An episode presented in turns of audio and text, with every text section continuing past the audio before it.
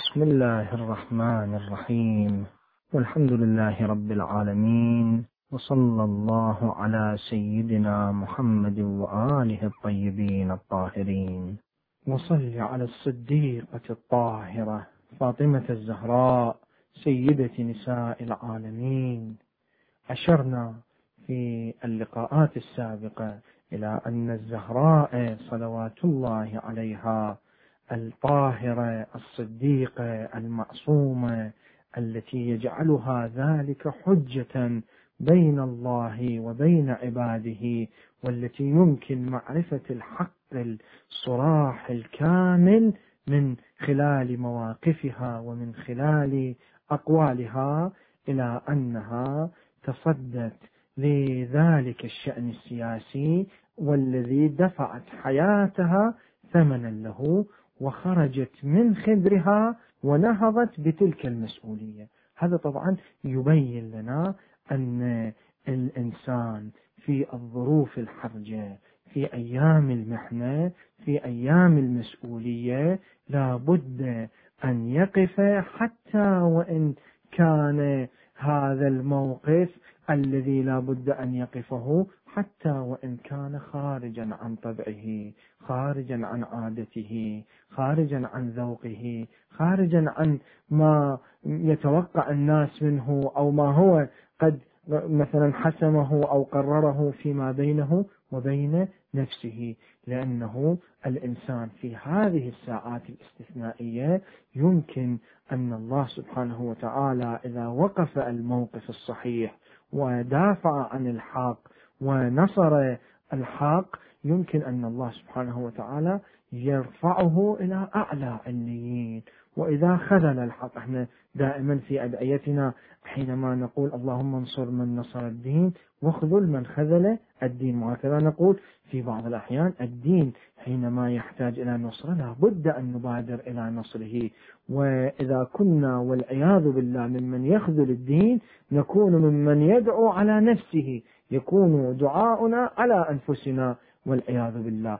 فهذا الأمر يحتم علينا أن نأخذ من الزهراء صلوات الله عليها أسوة وقدوة لنا في مواقفنا. أن لا ننكص عند النزال طبعا هذا الكلام حينما يقوله الإنسان يقوله يخاطب به نفسه لأنه نحن وأنا المتكلم من أحوج الناس إلى أن, أن, أن أوعظ بهذه المواعظ.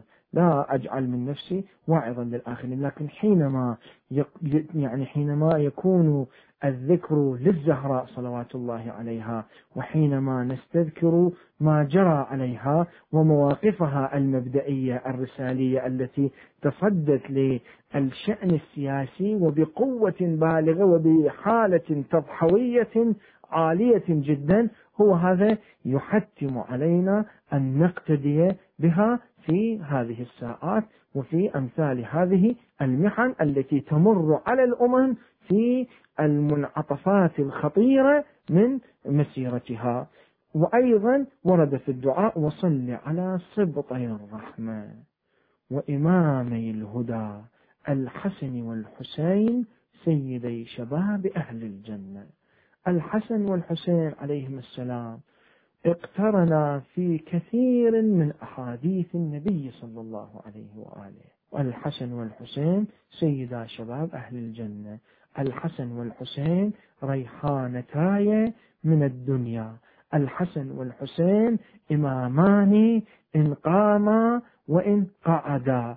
وإلى آخره من الروايات الواردة في فضل الحسنين صلوات الله عليهما. هذا الدعاء حينما يصلي على الحسنين ويشير إلى مواقفهما يشير إلى عناوين متعددة.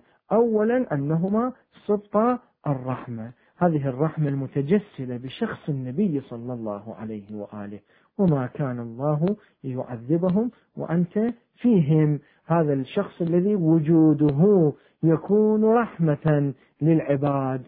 هذا الشخص سمي بالرحمة بحيث أطلق على الحسنين أنهما سبطا الرحمة سبطا النبي صلى الله عليه وآله. وإمامي الهدى. الحسن والحسين كل منهما إمام هدى. وهذه القضية الثنائية بين الحسن والحسين تجعلنا في تقييمنا للإمامة وللمواقف نكون بحالة عالية من التوازن. الإمامة لا تساوي النهوض بالسيف الإمامة لا تساوي القتال الإمامة لا تساوي التصدي. للشأن السياسي بشكل كامل. الإمامة في بعض الأحيان قد تقتضي الانعزال قد تقتضي المصالحة قد تقتضي التراجع عن بعض المواقف من أجل مصالح عامة يمكن أن تكون أهم. فلا يوجد لدينا في هذه المسألة ثابت من الثوابت على أساسه نقيس الناس ونبدأ نرجح نقول هذا من القاعدين وهذا من المجاهدين وأمثال ذلك من الأمور. هذه المسائل يمكن أن تحصل الإمامة بحالة حسنية حينما يكون من أظهر مواقف الإمام الحسن عليه السلام وأشهرها أنه صالح معاوية لحقن دماء المسلمين. ويمكن أن تتجسد الإمامة في موقف حسيني حينما قدم الإمام الحسين عليه السلام. نفسه وأصحابه وأهله وأولاده ونساءه جعلهم في معرض الصفاء وقدم حتى رضيعه بين يدي الله سبحانه وتعالى. حينما قتل عبد الله الرضيع تذكر بعض الروايات أن الإمام الحسين عليه السلام كانت القضية قد أخذت منه مأخذا عظيما لكنه قال هون ما نزل بي أنه بعين الله تعالى.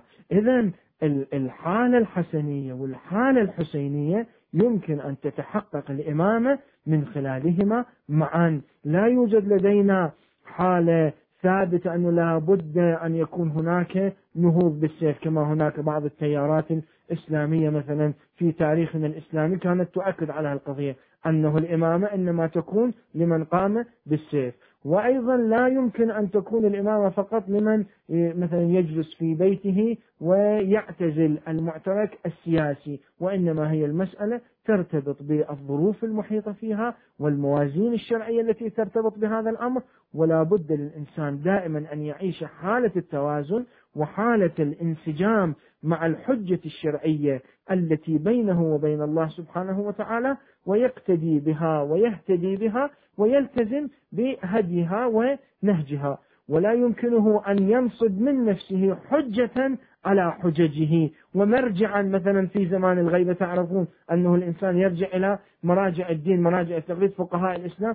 لا يمكن أن ينصب نفسه مرجعا على مراجعه. وإنما هذا الأمر هو يرتبط بمستوى وبخصوصيات الواقع المعاش وخصوصيات المنهج الفقهي الذي يتوصل إليه استنباط هذا الفقيه أو ذاك. الحسن والحسين سيدا شباب أهل الجنة. من جملة الأوصاف التي وصف بها الحسنان عليهما السلام أنهما سيدا شباب أهل الجنة. هذا الموقع الذي للحسنين عليهما السلام هو الذي يبين أفضليتهما من عامة الناس. طبعا ما عدا لأن هذه الروايات أشارت إلى هذه القضية ما أبوهما خير منهما. النبي صلى الله عليه وآله واضح أنه خير منهما ومن أبيهما. وإلا الحسنان صلوات الله عليهما بلغا من العظمة ومن الرفعة عند الله سبحانه وتعالى بحيث يكونان سيدي شباب أهل الجنة. يوجد لدينا في بعض الروايات. رزقنا الله وإياكم الجنة. حينما نستذكر الجنة ونستذكر سادة أهل الجنة يكون من جملة ما يجعلنا نشتاق إلى الجنة هو لقاء من أعظم ومن أروع لذائذ الجنة. ونعيم الجنة هو لقاء هذه الصفوة من خلق الله في ظل تحت ظل عرشه تحت آه، آه، ظل نعمته تحت ظل نعيمه سبحانه وتعالى. من أهم الأمور التي آه، تجعل الحسن يعني من أهم الروايات التي تشهد للحسنين عليهما السلام بهذه الخصوصية وبهذه القضية توجد بعض الروايات تشير إلى أن الله أوحى إلى الجنة إني قد زينتك. لاحظوا الجنة تتزين بالحسنين. إني قد زينتك بالحسن والحسين. فتقول الرواية فماست الجنة فرحا كما تميس العروس فرحا. كيف أن العروس حينما تأخذها حالة الفرح والسرور والحياء لذلك الجنة كأنها عروس المؤمنين. هي تميس فرحا لأن الله سبحانه وتعالى قد زينها بأن جعل الحسن والحسين من أهلها. إلى هذا المستوى بلغت عظمة الحسن والحسين. طبعا المؤمنون خصوصا في أمثال هذه الليالي الشريفة خصوصا وهم يناجون الله سبحانه وتعالى يدعون الله سبحانه وتعالى يصلون على هذه الشخصيات العظيمة القدوة التي لا بد أن يأتموا بها أن يقتدوا بها يعيشون حالة إضافية في مشاعرهم واشتياقهم إلى الجنة وإلى نعيم الجنة وإلى تلك الصفوة الطاهرة التي نتأمل أن نلقاها في الجنة. يوجد لدينا في بعض الروايات من الأدعية اللهم إني آمنت بمحمد ولم أره صلى الله عليه وآله. فأرني في الجنان وجهه يعني لاحظوا هذا الإنسان حينما يأتي بعد كذا قرن بعد أربعة عشر قرن خمسة عشر قرن ويأتي ويؤمن برسول الله صلى الله عليه وآله. يكون هذا الإيمان الذي يأتي بعد أكثر من ألف عام يكون إيمانه بشخص قد تقدم عليه بهذه الفترة الزمنية. هو يعيش حالة الاشتياق آه، إلى تلك الشخصية إلى رؤية تلك الشخصية إلى الجلوس معها إلى مجاذبتها.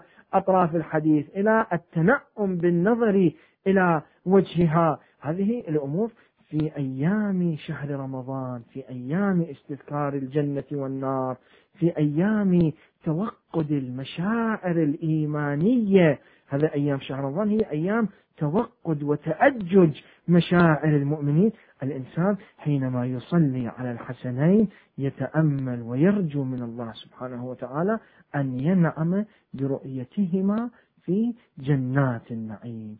وكذلك بقية الأئمة الطاهرين. وصل على أئمة المسلمين. لاحظوا الوصف الذي يوصف به الأئمة. وصل على أئمة المسلمين. هؤلاء هم أئمة المسلمين. النبي صلى الله عليه وآله مو أنا وأمثالي أتكلم عن الأئمة. النبي صلى الله عليه وآله في روايات كثيرة روتها العامة والخاصة. يقول الأئمة من بعدي اثنا عشر. الأمراء من بعدي اثنا عشر. الخلفاء من اثنا عشر وأمثال ذلك من المضامين التي وردت. وكلهم من قريش. هذا الحديث عن الاثني عشر إماما هذا ليس فقط أشار له القرآن برمزيته المعودة لأن القرآن آه، هو آيات لقوم يتفكرون. هذه الرمزية التي أشار فيها القرآن إلى الأصباط الاثني عشر في أمة موسى وأشار القرآن إلى أن ما جرى على أمة موسى سيجري علينا لأننا من أقرب الأمم إلينا. ليس فقط هذا وإنما النبي صلى الله عليه وآله تحدث عن الاثني عشر. وصل على أئمة المسلمين علي بن الحسين ومحمد بن علي وجعفر بن محمد وموسى بن جعفر وعلي بن موسى ومحمد بن علي وعلي بن محمد والحسن بن علي والخلف الهادي المهدي. الأئمة اثنا عشر. وهذه القضية وهذا العدد وردت فيه روايات كثيرة متواترة عند عامة المسلمين. من الجدير بالذكر وهذه قضية تستحق الاهتمام أن بعض الكتب التي اهتمت بجمع أحاديث رسول الله صلى الله عليه وآله. كانت قد ألفت قبل الوصول هذه السلسلة الشريفة سلسلة الأئمة الاثني عشر قبل وصولها إلى حلقتها الأخيرة المتمثلة بالإمام المهدي عليه السلام. في أيام الأئمة الأواخر في أيام الإمام الهادي أو الإمام العسكري عليه السلام. وقد تضمنت هذه الكتب الإشارة إلى أن الأئمة اثنا عشر. هذه القضية حينما تكون هذه الرواية مروية في كتب مؤلفة قبل انتهاء قبل وصول هذه الإمامة إلى مرحلتها الأخيرة وشخصيتها الأخيرة شخصية الإمام المهدي عليه السلام. كان هناك سلطات جائرة حاكمة تجاوزت الاثني عشر من بعددها بلحاظ عددها فحينما يأتي شخص ويقول على أن اثنا عشر ويروي عن النبي أن الأمة اثنا عشر هذا في الحقيقة يثبت بطلان هذا الشخص المتصدر الحكم. إذا هناك مانع ليس فقط ليس هناك دافع للوضع هناك مانع من الوضع.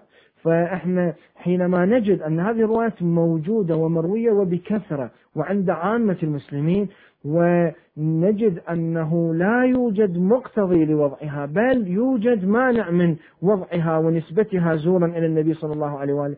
سنعرف أن هناك تأكيدا نبويا على هذه القضية بحيث ما عادت هذه القضية من القضايا التي يمكن إخفاء إخفاؤها والالتفاف عليها وتضييعها وتغييبها من آه، ساحة أحاديث النبي صلى الله عليه وآله. وإحنا أمام هذه القضية بغض النظر عن الأسماء أمام هذه القضية وهو أنه الامامه الامامه لابد أن تكون من خلال 12 شخصية. هذه النظرية ابحث عنها أيها المستمع الكريم أيها المهتم بأن يعرف الحق. أيها الذي يتمنى في شهر رمضان الذي أنزل فيه القرآن هدى للناس وبينات من الهدى والفرقان. الذي يتمنى أن يزداد هدى إلى هداه الذي منحه الله سبحانه وتعالى إياه. وهذا شهر رمضان هو ربيع الهداية. ما أكثر ما اهتدى الناس وحصل الناس على كثير من معارف الدين في هذا الشهر الكريم هذا الشهر المعطاء. فالإنسان حينما يطمئن ويتيقن بأن الإمامة بعد النبي هي لابد أن, أن تتحقق من خلال اثني عشر شخصية يحققون مصادق هذه الإمامة نأتي الآن نبحث في أي في أي متبنى من متبنيات المسلمين في أي مذهب من مذاهب المسلمين في أي فرقة من فرق المسلمين تجد أن هناك أئمة بالعدد الاثني عشر غير الإمامية الاثني عشرية. إذا هذه القضية ستجعلنا على الأقل نهتم بأن نبحث. لاحظوا بعض الناس قد يكون يستغرب قد يكون يتعجب قد يكون يقول لماذا كان مثلا العدد اثني عشر؟ خلي يكون العدد خمسة عشر أو خلي يكون العدد عشر أو خلي يكون العدد سبعة بعدد مثلا السماوات. هذه القضايا والتعجبات والاستغرابات ما يمكن أن تصمد في قلب المؤمن الذي يؤمن بالغيب ما يمكن أن تصمد أمام النص النبوي. ولذا إحنا فتحنا باب التعجب وباب الاستغراب. أصل النبوة هي أمر مثير للعجب. ولا شخص من البشر ينزل عليه وحي خاص من السماء ويحدثه بأخبار ما كان وما يكون. وهذا أمر عجيب جدا وهذا أمر غريب جدا. الذي يكون قد طوى هذه المرحلة. وكان من الذين يؤمنون بالغيب كان من الذين يؤمنون بالقرآن الكريم كان من الذين يؤمنون برسالة النبي صلى الله عليه وآله. فهذا ما ينبغي أن يتحير وأن يتردد وأن يتعجب أزاء هذه الحقيقة حقيقة الأئمة الاثني عشر. لابد أن يذهب على الأقل ويفحص. ويفتش. لا يكفيه أنه هو يعيش في أجواء معينة لا تقبل هذه الحقيقة، البعض يقولون نحن نحترم هؤلاء الأئمة، نحن نقدس هؤلاء الأئمة كما نقدس غيرهم من أصحاب النبي أو من تابعي آه، مثلا من التابعين أو تابعي التابعين، هذا لا يكفي لأنه هناك خصوصية لهؤلاء تحدث عنهم النبي صلى الله عليه وآله بشكل استثنائي. فلنذهب إذا كان هناك شك في المصادق أن هذا الإنسان هو من مصداق من مصادق الاثنى عشر أو ليس مصداقا. لابد أن إحنا نقبل الخطوة الأولى نخطو الخطوة الأولى وهي أن يكون نقبل أن الأئمة يكون لابد أن يكونوا اثني عشر. ثم بعد ذلك نأتي نفتش عن المصادق نأتي نفحص التاريخ. هناك خصائص للأئمة صلوات الله عليهم. غير ما ورد في حق كل منهم من مثلا كرامات إلهية ومعجزات الله سبحانه وتعالى أجراها على يده ونصوص نص عليه فيها على إمامته الإمام المتقدم عليها أو النبي صلى الله عليه وسلم غير هذه الأمة هناك خصائص عامة للأئمة صلوات الله عليهم. من جملتها أن هؤلاء لم يعرف عنهم أن أحدهم درس وتعلم من شخص من المسلمين. أنت الآن تفتش في ترجمة كل شخصية من الشخصيات العظيمة في الإسلام باستثناء النبي صلى الله عليه وآله الذي كان الوحي والعلم يأتيه من الله سبحانه وتعالى. تجد عادة أن هذه الشخصية تستفيد من أحد طبعا باستثناء أهل البيت اللي نحن بصدد الحديث عنه. لكن كحالة طبيعية تجد أن هناك استفادة وأن هناك تعلم وأن هناك حالة درس وتدريس ويدرس هذا الإنسان وينهل العلم. أما شخص يأتي في ضمن سلسلة من قبيل الإمام الجواد عليه السلام عمره مثلا سبع سنوات يدعي الإمامة والأنظار كلها شاخصة إلى قضية الإمامة خصوصا عندما كان الإمام الرضا عليه السلام تحت الضوء بدرجة عالية جدا حينما تولى ولاية العهد وحينما توفي وبقيت الأبصار شاخصة تبحث عن أن مسيرة الإمامة كيف ستنتهي. هذا الشخص يأتي ويدعي الإمامة ويدعي كثير من أتباعه له الإمامة ثم هذا الشخص بذلك العمر المحدود جدا لا يتمكن أي أحد من أن يفهمه ومن أن يظهر ضعفه ومن أن يظهر أن هذا الإنسان غير صالح للإمام. هذا أمر يعني غير طبيعي جدا لابد أن نفحص في هذه القضية. يعني تلاحظ على سبيل المثال النبي صلى الله عليه وآله من جملة الأدلة على نبوته ألا نقول أن النبي صلى الله عليه وآله كان هناك تحدي من النبي صلى الله عليه وآله أن يأتوا بعشر سور من القرآن بسورة من القرآن بآية من القرآن ومع ذلك لم يتمكن أحد من أن ينافس القرآن ومن أن يتحدى القرآن بشيء من كلام العرب. هذا مو يكون دليل على نبوة النبي صلى الله عليه وآله. أيضا بالنسبة إلى الأئمة هذا راح يكون دليل على إمامتهم. هذه النظرية وهذه الرؤية كانت موجودة عند عامة المسلمين ليست وليدة اليوم لأن هو رواها حتى الذين لا يقبلون بها في أيام الأئمة. موجود هذه الرواية مثلا رواية الاثنى عشر موجودة حتى في كتاب البخاري الذي توفي قبل أو الذي ألف كتابه على أقل تقدير قبل وصول هذه السلسلة الشريفة إلى محطتها الأخيرة محطة الإمام المهدي عليه السلام. فإذا هذه القضية مطروحة هذه القضية موجودة شائعة. حتى قبل عصر تدوين هذه الكتب لأن هذه الكتب حينما دونت أخذت الأحاديث من صدور الرجال صدرا بعد صدر عن النبي صلى الله عليه وآله. فإذا هذه القضية موجودة وكان هناك كيان للمؤمنين من أتباع أهل البيت. كان هناك آه، زكاة كان هناك خمس يجبى إلى أهل البيت. كان هناك شعائر خاصة بأتباع أهل البيت كان هناك رجوع في الفقه إلى أئمة أهل البيت صلوات الله عليهم بحيث كان هناك جماعة في وسط المجتمع الإسلامي لكن هذه الجماعة لها خصائصها لها هويتها لها متبنياتها لها ادعاءاتها. هذه الادعاءات إذا لم تكن ناشئة من حق ومن واقع كان يمكن أن تتزيف في أي منعطف من المنعطفات الخطيرة التي يمكن أن يتعرض فيها المؤمنون إلى هزة قوية من قبيل إمامة الإمام الجواد أو إمامة الإمام الهادي عندما يكون هذا الشخص صبيا عندما يكون هذا الشخص عمره لا يصل إلى عشر سنوات. ومع ذلك يدعي الإمامة ويجتمع المسلمون ويأتي قاضي القضاة من خلال بعض الروايات المعروفة الآن لا مجال للخوض فيها بشكل تفصيلي. يأتي قاضي القضاة ليحاول إفهام الإمام. قاضي القضاة يعني يمثل الشخصية العلمية الأولى في الدولة الإسلامية. تعلمون؟ هذا مستوى قاضي القضاة حينما نقول. هذا حينما يأتي ويناقش الإمام ثم ينتهي مجلس الحوار العلمي مع الإمام. بحد بحيث قاضي القضاة يدين للإمام ويتعلم من الإمام ويستفيد من الإمام عليه السلام. وحتى لو ما قبلت هذه الرواية قلت سندها مو تام أمثال ذلك.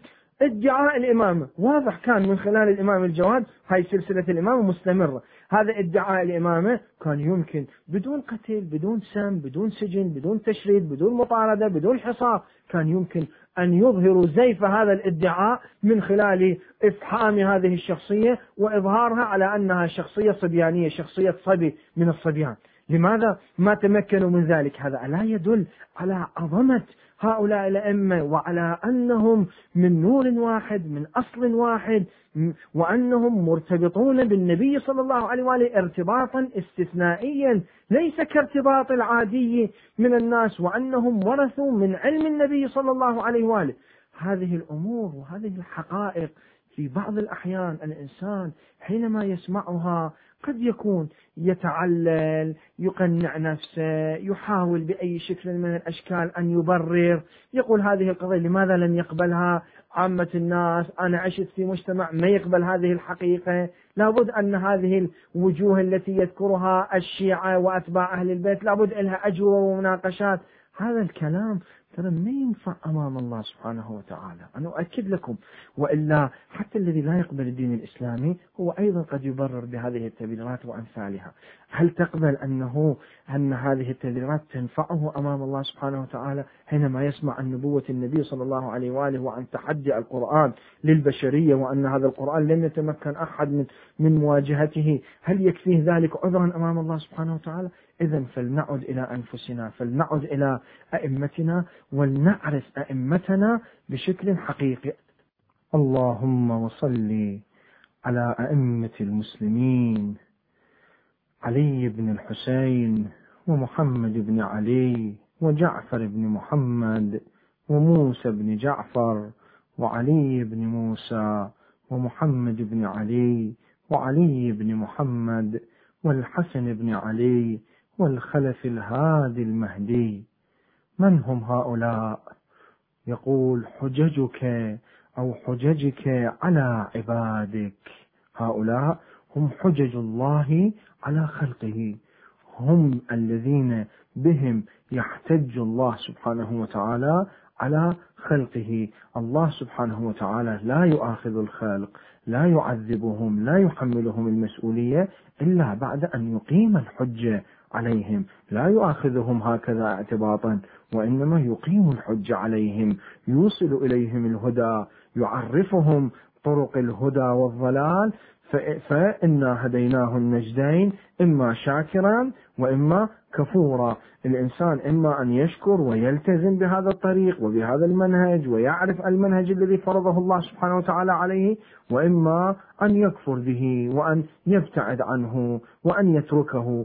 فهذا هذه السلسلة الطاهرة من الأئمة من أهل البيت صلوات الله عليهم التي بها ينطبق حديث رسول الله المعروف المتواتر بين المسلمين أن الأئمة من بعد اثنا عشر ويمكن للإنسان أن يعرف الحق من خلالهم ولهذا نحن نعتقد أن هؤلاء إذا قالوا فقولهم هو قول رسول الله وإذا فعلوا ففعلهم هو فعل رسول الله صلى الله عليه وآله لأنهم لا يشذون عن رسول الله صلى الله عليه وآله لأنهم ورثوا من النبي من جدهم النبي صلى الله عليه وآله ورثوا منه هذه المعارف هذه الآثار العظيمة هذه الحكم هذه الهداية الإلهية ونذروا أنفسهم لإيصالها وتبليغها إلى الناس ورعاية شؤون هذه الأمة والمحافظة عليها.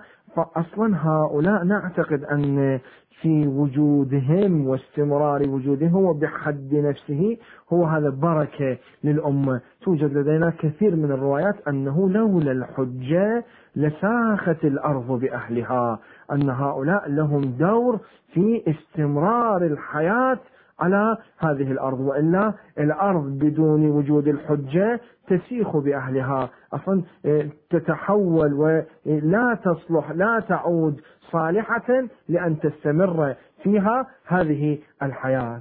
إذا هؤلاء بهذه العظمة حينما نصلي عليهم لابد أن نستحضر عظمة هؤلاء منة الله سبحانه وتعالى علينا بأن أعطانا هكذا أئمة بأن أعطانا وعرفنا هكذا أئمة فنحن نشكر الله سبحانه وتعالى ونشكرهم أيضا وندعو الله سبحانه وتعالى لهم نصلي عليهم آه، نحاول أن نقترب منهم بكل الطرق الممكنة لكي نقترب بالحقيقة آه، إلى الله سبحانه وتعالى لأنهم هم الطريق إلى الله لأنهم هم الحجج آه، التي نصبها الله سبحانه وتعالى لعباده. كيف نجد أننا نتعامل مع النبي صلى الله عليه وآله كحجة لكن طبعا لرسول الله صلى الله عليه وآله خصوصيته مركزيته حجيته على هؤلاء الحجج فإذا هم حجج الله على عباده وأمناؤه في بلاده. نقول وأمنائك في بلادك. هؤلاء هم الذين ائتمنهم الله سبحانه وتعالى على بلاد الله على خلق الله على أرض الله سبحانه وتعالى. يعني لهم دور الخلافة الحقيقية عن الله سبحانه وتعالى. إني جاعل في الأرض خليفة. هذا الخليفة الحقيقي والاستخلاف الحقيقي يتمثل من خلال هذه الشخصيات التي تأخذ هذا الدور العظيم. وهؤلاء حينما يكونون أمناء الله سبحانه وتعالى في بلاده يعني نعرف مقامهم نعرف عظمتهم نعرف الهدى. الذي جاءوا به ومن أجله وضحوا بالغالي والنفيس من أجل ذلك. نحن نجد أن الأئمة صلوات الله عليهم ولو كان في بعض الأحيان لا نجد أنهم يقومون بدور واضح في معارضة النظام معارضة من أجل أخذ الحكم واستلام السلطة كما يعبر في التعبيرات المعاصرة. ولكن مع ذلك كانت مواقفهم هي مواقف جهادية ومواقفهم هي مواقف تضحوية وإلا أي تفسير نجد لأنه يقول قائلهم ما منا إلا مقتول أو مسموم.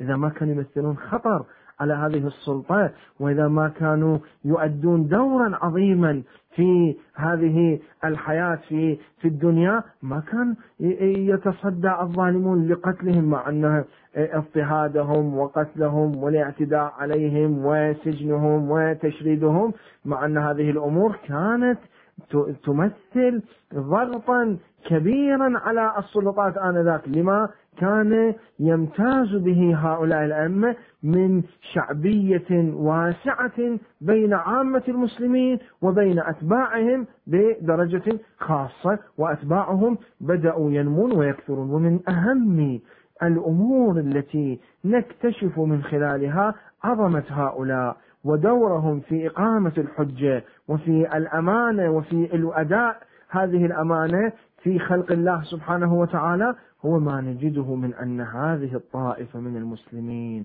التي تلتزم منهجهم والتي تعرف الحق من خلالهم وبهم صلوات الله عليهم أن هذه الطائفة من المسلمين على أنها على مر التاريخ كانت تواجه القمع والاضطهاد والتعسف لكن مع ذلك أهل البيت صلوات الله عليهم قاموا بدورين رئيسين يكاد الإنسان يتحير كيف تمكن أهل البيت صلوات الله عليهم من الجمع بينهما الدور الأول أنهم بنوا لهذه الطائفة ولهذه المجموعة من المسلمين خصائصها.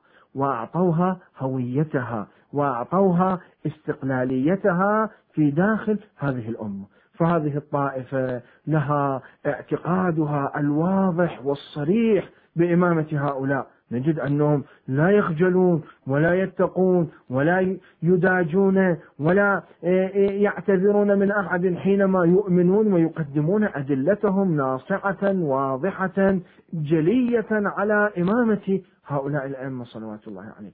هذه الطائفة تحظى بشعائر بشعائر شعائرها الاستثنائية. هذه الطائفة تلاحظون مثلا من شعائرها ومن أهم شعائرها شعار الزيارة التي يقومون بها للأئمة. شعار الزيارة للنبي صلى الله عليه وآله. هذا شعار عام شعار إسلامي عام. لكن شعار الزيارة للإمام الحسين عليه السلام هذا من من الخصوصيات التي تتميز بها هذه الطائفة. هذه الطائفة المسألة المرجعية الفكرية للمسلمين في يعني تتميز بنضج استثنائي على عامة المسلمين في هذا الجانب. لأن هذه المرجعية صحيح هي كانت لأهل البيت في أيام حضورهم ولكن حتى في أيام غيبتهم أهل البيت صلوات الله عليهم وضعوا نظاما خاصا وعبأوا الأمة باتجاهه ووضحوا الحقائق للأمة باتجاهه وعرفوهم أنهم يمكن أن يعرفوا الحق من خلال رجوعهم إلى علماء هذه الأمة وإلى ال ال الناس الذين يتخصصون في معرفة العلوم الدينية ويمتلكون مجموعة من المواصفات والشروط التي في طليعتها وأهمها الدرجة العالية من العدالة والتقوى والاستقامة في شرع الله سبحانه وتعالى.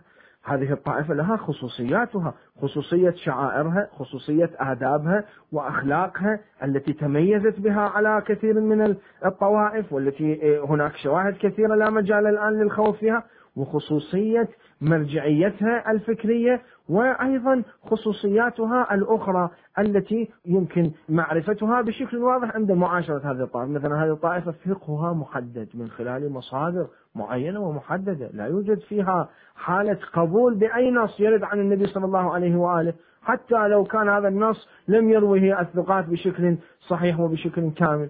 ولا يوجد فيها حالة انفراط وانفلات بحيث ترفض أكثر النصوص الواردة عن النبي صلى الله عليه وآله ويرجع على العقل والاستحسان وإعمال الرأي في الدين. يوجد فيها حالة من التوازن حالة من إعطاء العقل دورة إعطاء الدليل النقلي دورة بحيث تجد أن لهذه الطائفة خصائص. ثم هؤلاء الأئمة حينما بنوا خصائص هذه الطائفة.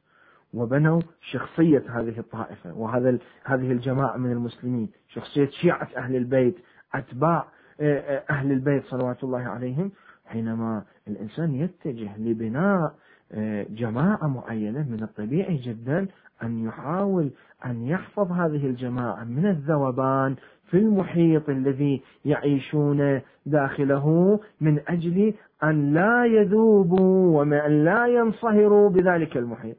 لكن نجد أن أهل البيت صلوات الله عليهم في الوقت الذي أعطوا لأتباعهم خصوصيتهم ومثلوا جماعة صالحة وأتباعا ملتزمين بخطهم وبمنهجهم في نفس الوقت كان هناك توجيهات كثيرة تدعو هذه الأمة من الناس أو هذا القسم من الأمة الإسلامية القسم الذي يرتبط بأهل البيت ويعتقد بأهل البيت هذه العقيدة الخاصة دعوهم إلى المبادرة للاهتمام بالمصالح العليا للمسلمين وكانوا طليعيين في قضايا المسلمين الكبرى. فهم صلوات الله عليهم. في الوقت الذي بنوا فيه خصائص هذه الجماعة وحققوا لها استقلالها في نفس الوقت لم يعزلوها عن الأمة وإنما بقوا في داخل الأمة يمثلون عنصرا فعالا ترتكز عليه الأمة في الوصول إلى كثير من أهدافها. وهذا الأمر كثير يبعث على التعجب. إذا الإنسان يريد يقرأ هذه القضية ويدرسها بإمعان يجد أن هذا الشيء يكاد يكون من معجزاتهم ومن كراماتهم على الله سبحانه وتعالى أن مكنهم من هذا الأمر.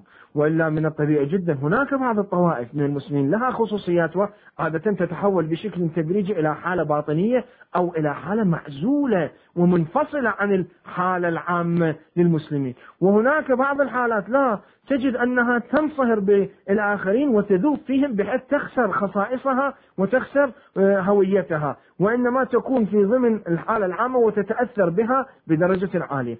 أما شيعة أمير المؤمنين عليه السلام الذي نعيش في هذه الأيام ظلامته وشهادته في محراب صلاته صلوات الله عليه فهم يقتدون بالإمام أمير المؤمنين عليه السلام. لاحظوا هذه الشخصية هي شخصية سيد الأئمة شخصية أبي الأئمة شخصية إمام الأئمة صلوات الله عليهم. كيف كانت تهتم بهذا التوازن وتضحي من أجل هذا التوازن بدرجة عالية جدا.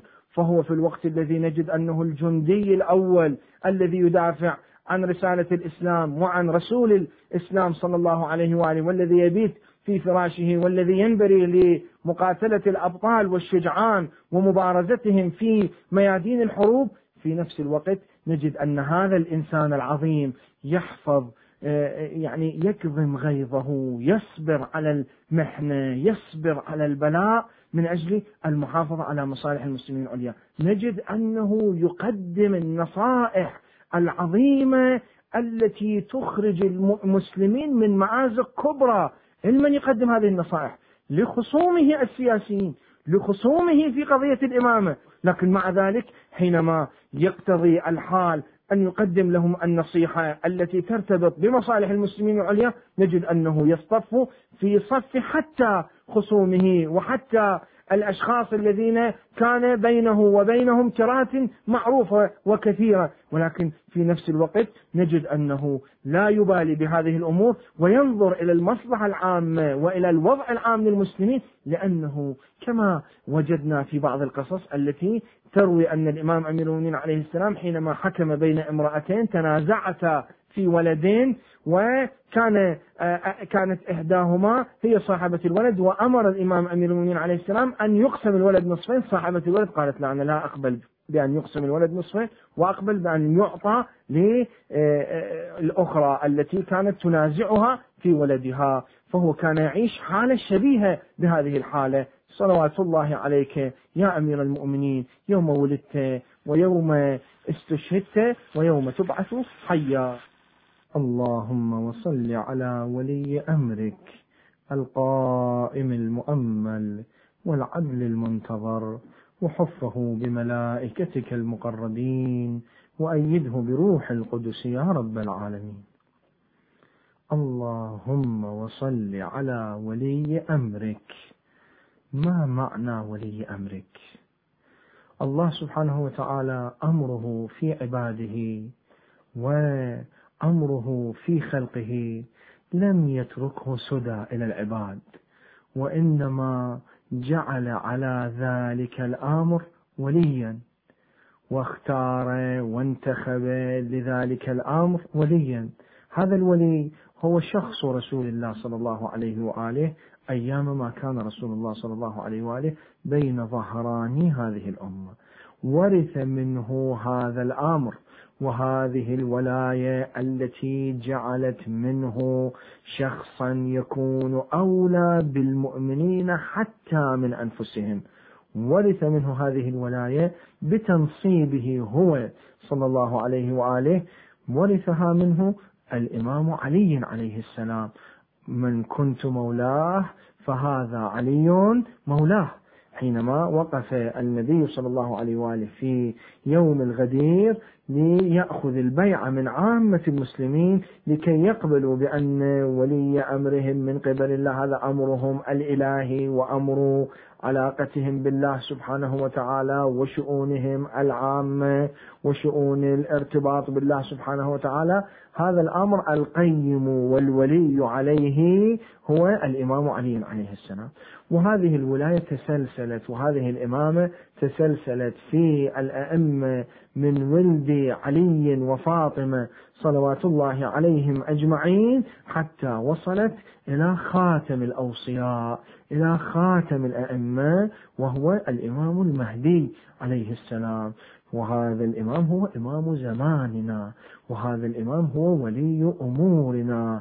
وهذا الإمام عليه السلام بيننا وبينه علاقة خاصة استثنائية زائدة على علاقتنا بأشخاص أهل البيت صلوات الله عليهم شخصا شخصا وإماما إماما. ومن أهم معالم هذه العلاقة أننا لا بد أن نستشعر ونذعن بإمامته وولايته علينا في هذا العصر الذي تشرفنا أن نكون من أتباعه وأن نكون من أمته وأن يكون هو الشاهد علينا في يوم القيامة حينما يشهد كل إمام على أتباعه. ويكون الإمام المهدي عليه السلام هو الذي يمثل رسول الله صلى الله عليه وآله في الشهادة على هذه الطائفة من الأمة. على أي حال. الإمام المهدي ولي أمر الله سبحانه وتعالى وهذا حسب الظاهر هو معنى أنه ولي أمر الله. هذا أمر الله في العباد يكون المتولي له هو الإمام المهدي بتنصيب من الله سبحانه وتعالى. فإذا أمر الله لم يترك سدى. هذه القضية لابد أن نأخذها بنظر الاعتبار.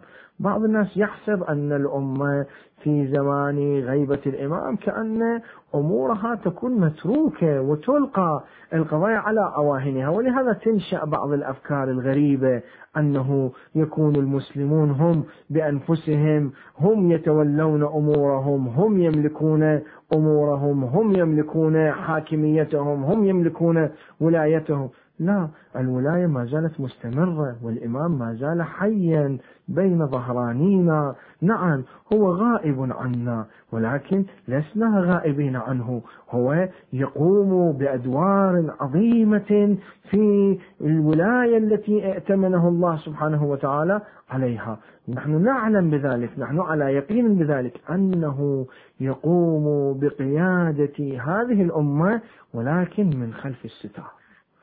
هو يقود هذه الأمة ولكن ليس بشكل ظاهر.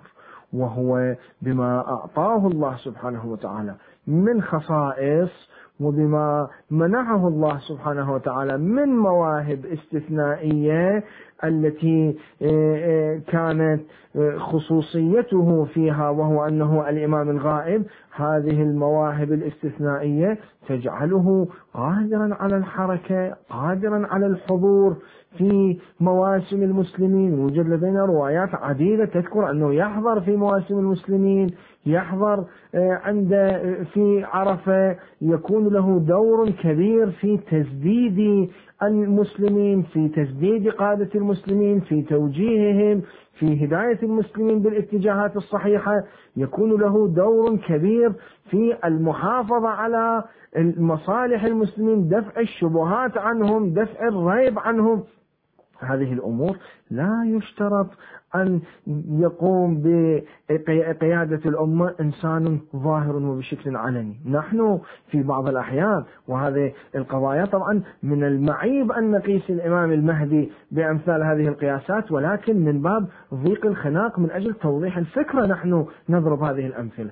نحن ألسنا آه، مثلا نقبل آه، هذا التفسير لحركة كثير من الأمور السياسية أن هناك قوى مثلا صهيونية عالمية هي يكون لها دور أساس في إدارة كثير من شؤون هذا العالم. ألسنا نقبل أن الشيطان يحرك كثير من الأمور من خلف الستار بشكل غير واضح. فكيف أن هذه القوى الشريرة هذه القوى الضعيفة هذه القوى التي تقف في مواجهة رحمة الله سبحانه وتعالى وفي مواجهة هداية الله سبحانه وتعالى. الله سبحانه وتعالى بسبب الامتحان والاختبار يمكنها من أن تقوم بأدوار لكن ليست بشكل علني وإنما هي أدوار حقيقية ومؤثرة تأثيرا كبيرا في حياة الشعوب وفي حركة التاريخ. ولكن ليس بشكل صريح وظاهر. كيف نتقبل أن يكون لهذه القوى قابلية على تحقيق هذه الأمور ونستغرب ونتعجب أن يكون للإمام الحقيقي القائد الحقيقي الولي الحقيقي أن يكون له هذا الدور. من الطبيعي جدا أن يكون له هذا الدور. من الطبيعي جدا أن يؤدي دوره بما لا يتقاطع مع الغيبة التي قضى الله سبحانه وتعالى فيها امرا كان مفعولا. فإذا لابد أن نستشعر هذه الحقيقة. لا ينبغي لنا وهذه قضية مهمة جدا لا ينبغي لنا أن نتعامل مع الإمام المهدي عليه السلام كما نتعامل مع البقية بقية الأئمة الآخرين الذين استشهدوا وقتلوا وتعرضوا إلى الموت على أيدي الطغاة. الإمام المهدي ما زال حيا يرزق وفرق كبير بين الحي والميت. فرق كبير بين من انتقل إلى جوار الله سبحانه وتعالى وبين من هو ما زال يؤدي دوره العظيم في قيادة هذه الأمة وفي السهر على مصالحها والدفاع عنها وتسديدها وتوجيهها بالاتجاه الصحيح. لماذا هذا التضعيف من من ال الذي نجده في بعض الأحيان هذا لا ينبغي أن هذه الغيبة تسيطر علينا بحيث تجعلنا ننسى بعض الحقائق التي نؤمن بها ونعتقد بها.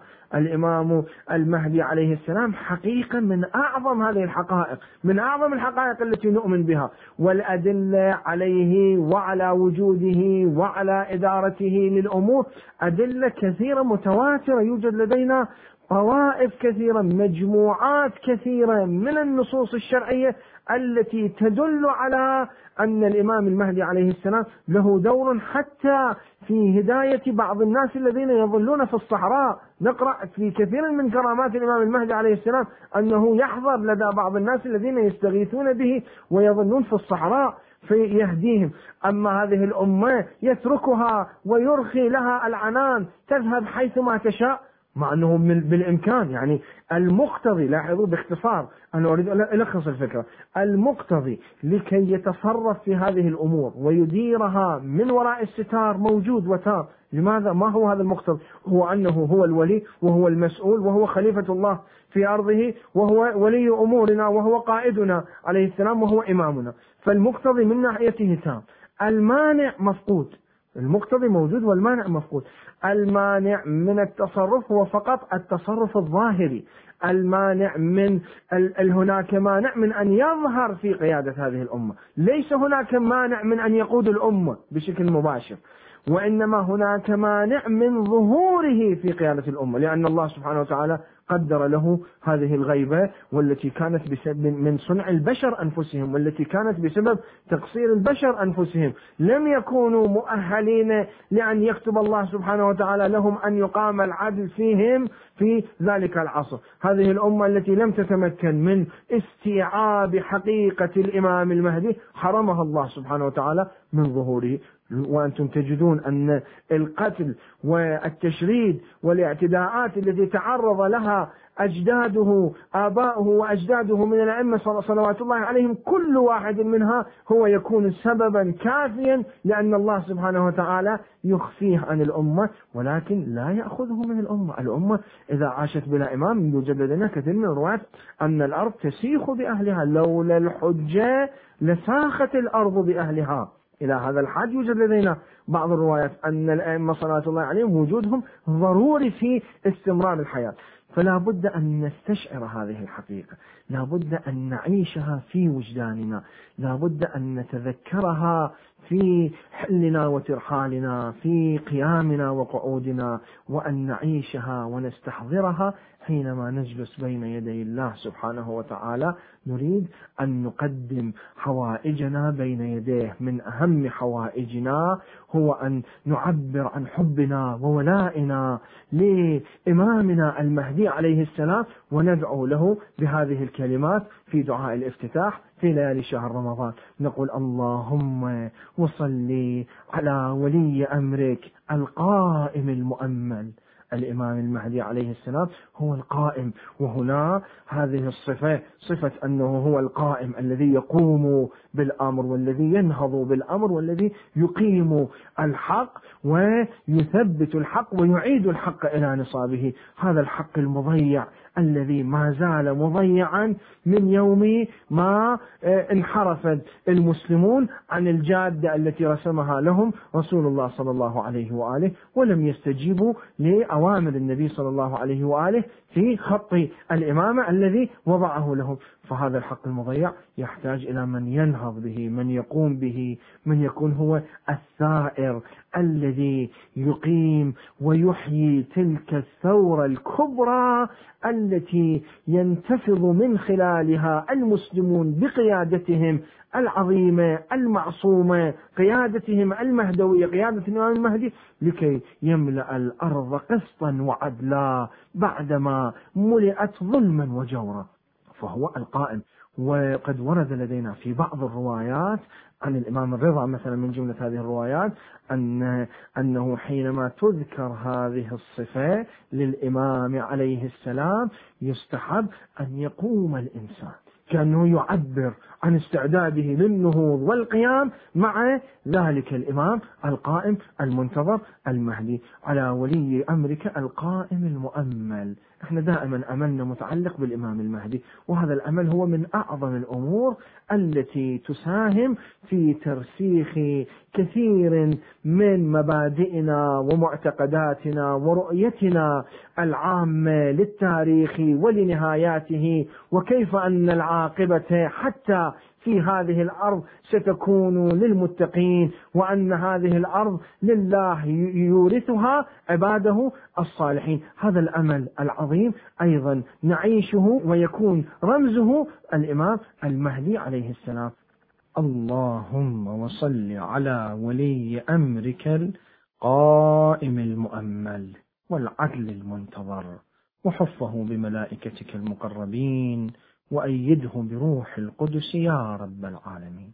حينما ندعو لإمامنا وولينا وشفيعنا إن شاء الله وحبيب قلوبنا الإمام المظلوم المغيب الإمام المهدي عليه السلام ونصلي عليه نذكر من أهم صفاته هو أنه ولي أمرنا.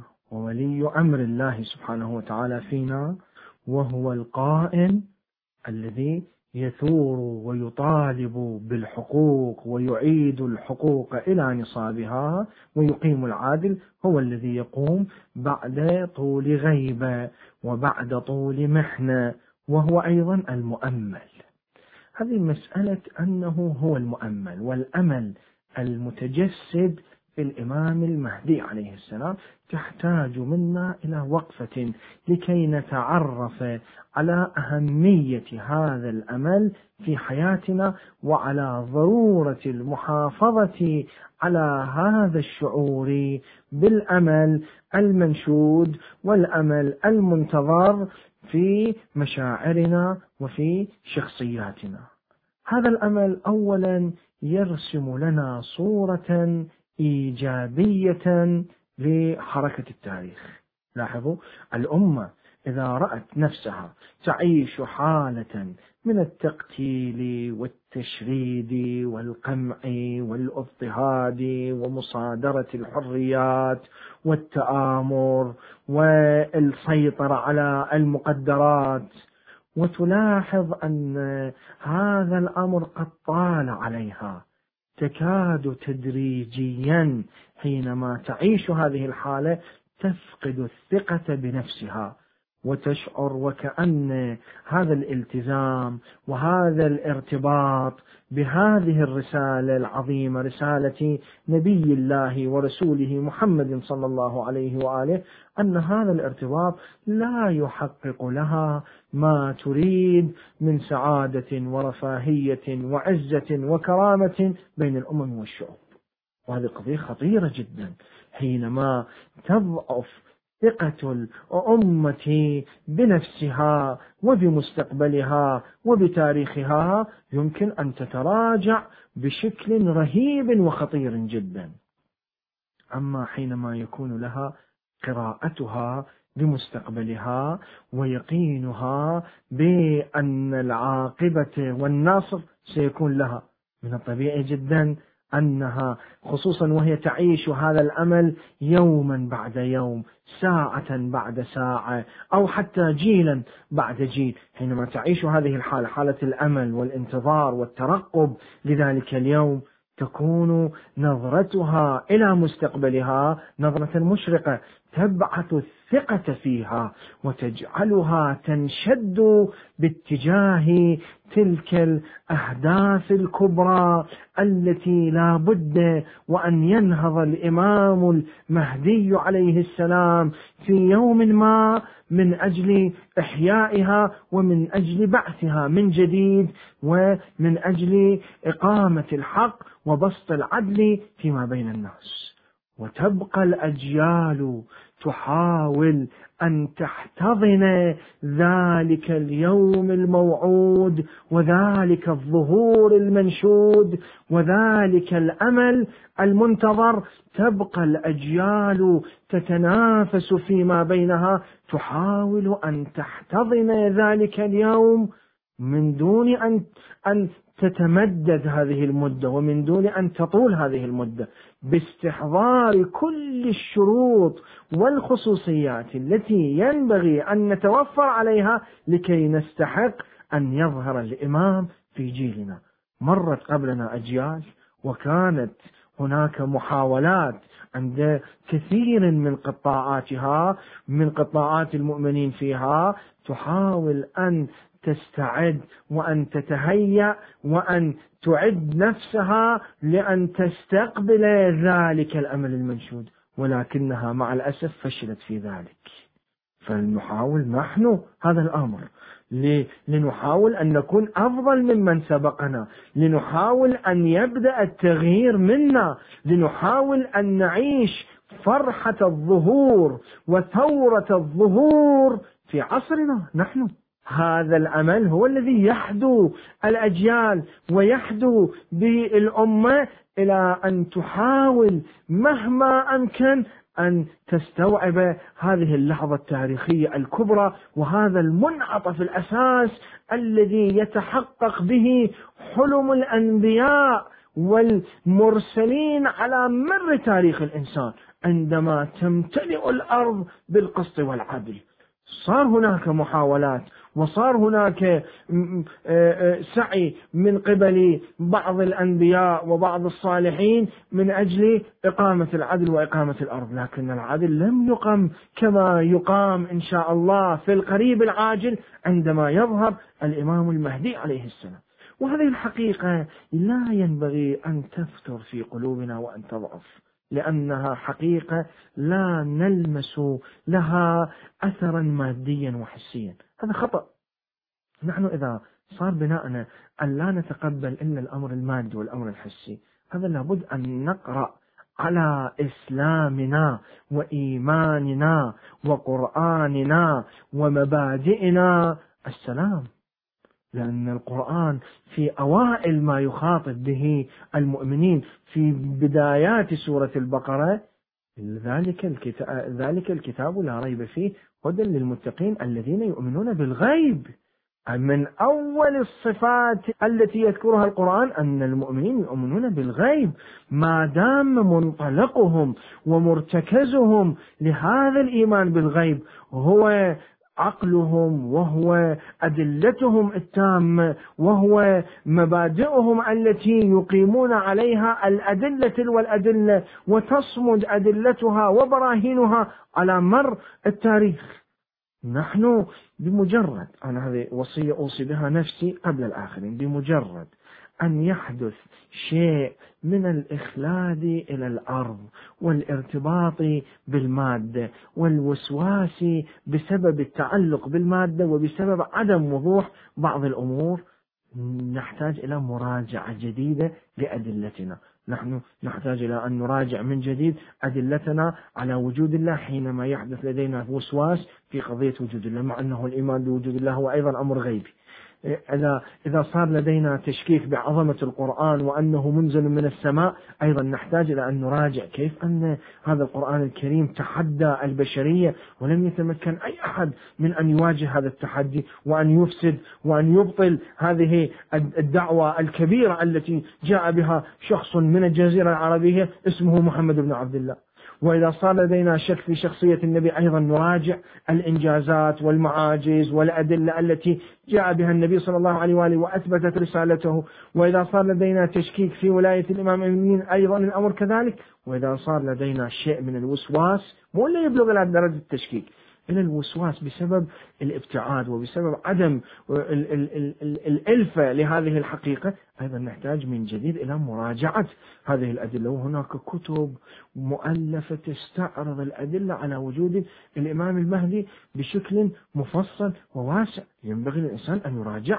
أما يقف يقول بلي هذه القضية أنا في نفسي منها شيء وكذا من دون أن يفحص هذا الكلام غير منطقي هذا الكلام غير مقبول. أي محكمة بالعالم تتقبل أن الإنسان يقف يريد أن يثبت حقا أو ينفي باطلا يقول هذا الكلام غير يعني لا أجد نفسي أن أطمئن به بشكل كامل. المسألة في الحقائق تحتاج إلى أدلة وبراهين.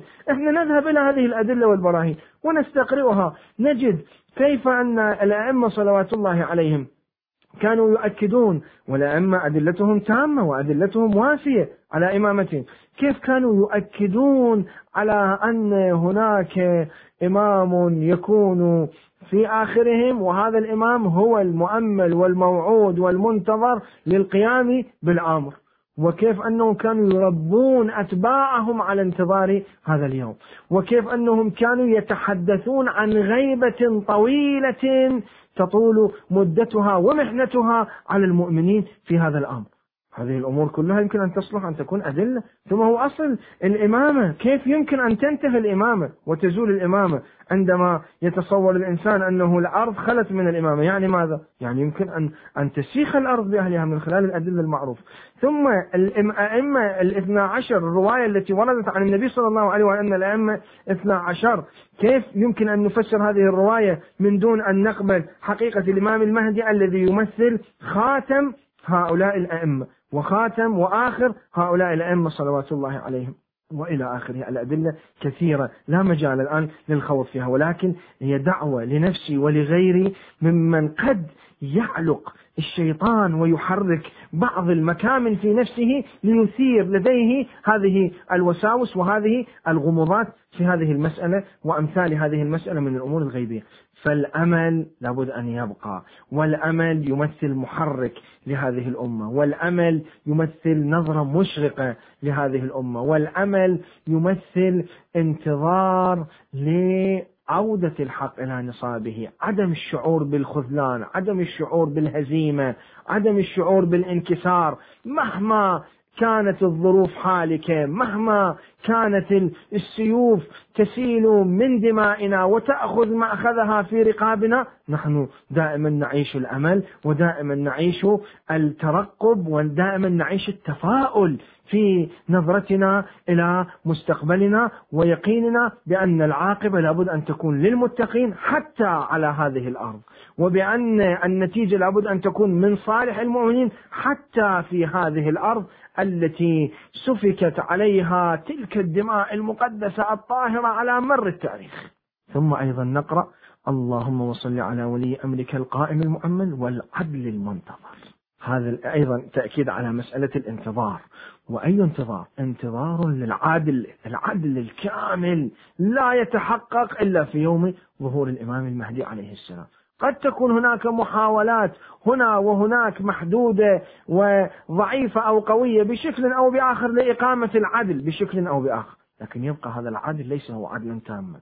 وحتى من يقيمه هو لا يدعي أنه هو العدل الكامل وهو العدل المطلق وإنما هو يعمل اجتهاده ويبذل وسعة في غاية وأفضل التقادير أنه هو يبذل وسعة من أجل تحقيق العدل في حدود ما يعرفه من العدل ومن الحق. أما الإمام المهدي عليه السلام حينما يظهر تعطي الأرض كنوزها. أصلا تستجيب الأرض. حتى ما فيها من الكنوز والخيرات تظهرها لشدة شيوع العدل فيها. لاحظوا لاحظوا هذه السعادة التي ما زال الإنسان يطمح إليها ويجرب كثيرا من الإدعاءات والشعارات والطروحات والنظريات والأيديولوجيات التي تدعي أنها تريد أن تقيم الحق في هذا الفصل من الزمان أو ذلك الفصل من الزمان. يبقى العدل المطلق والعدل المنتظر. وهذا السعي باتجاه إقامة العدل عند الإنسان هو في الحقيقة انشداد فطري داخلي. شئنا أم أبينا؟ التفتنا وقبلنا هذه الحقيقة أو لم نقبل؟ انشداد فطري للإمام المهدي عليه السلام. وانتظار حقيقي عدل الإمام المهدي عليه السلام الذي يظهر ويملأ الأرض. لاحظوا التعبير الوارد عن النبي صلى الله عليه وآله. يملأ الأرض قسطا وعدلا. يعني الأرض تمتلئ لا يبقى فيها أي فراغ أي فجوة إلا ويأخذ العدل منها مأخذه وموقعه بحيث تبقى الأرض كلها أرض العدالة وأرض السلام وأرض الإسلام وأرض السعادة للبشرية جمعاء اللهم عجل لوليك الفرج. واجعلنا من أنصاره وأعوانه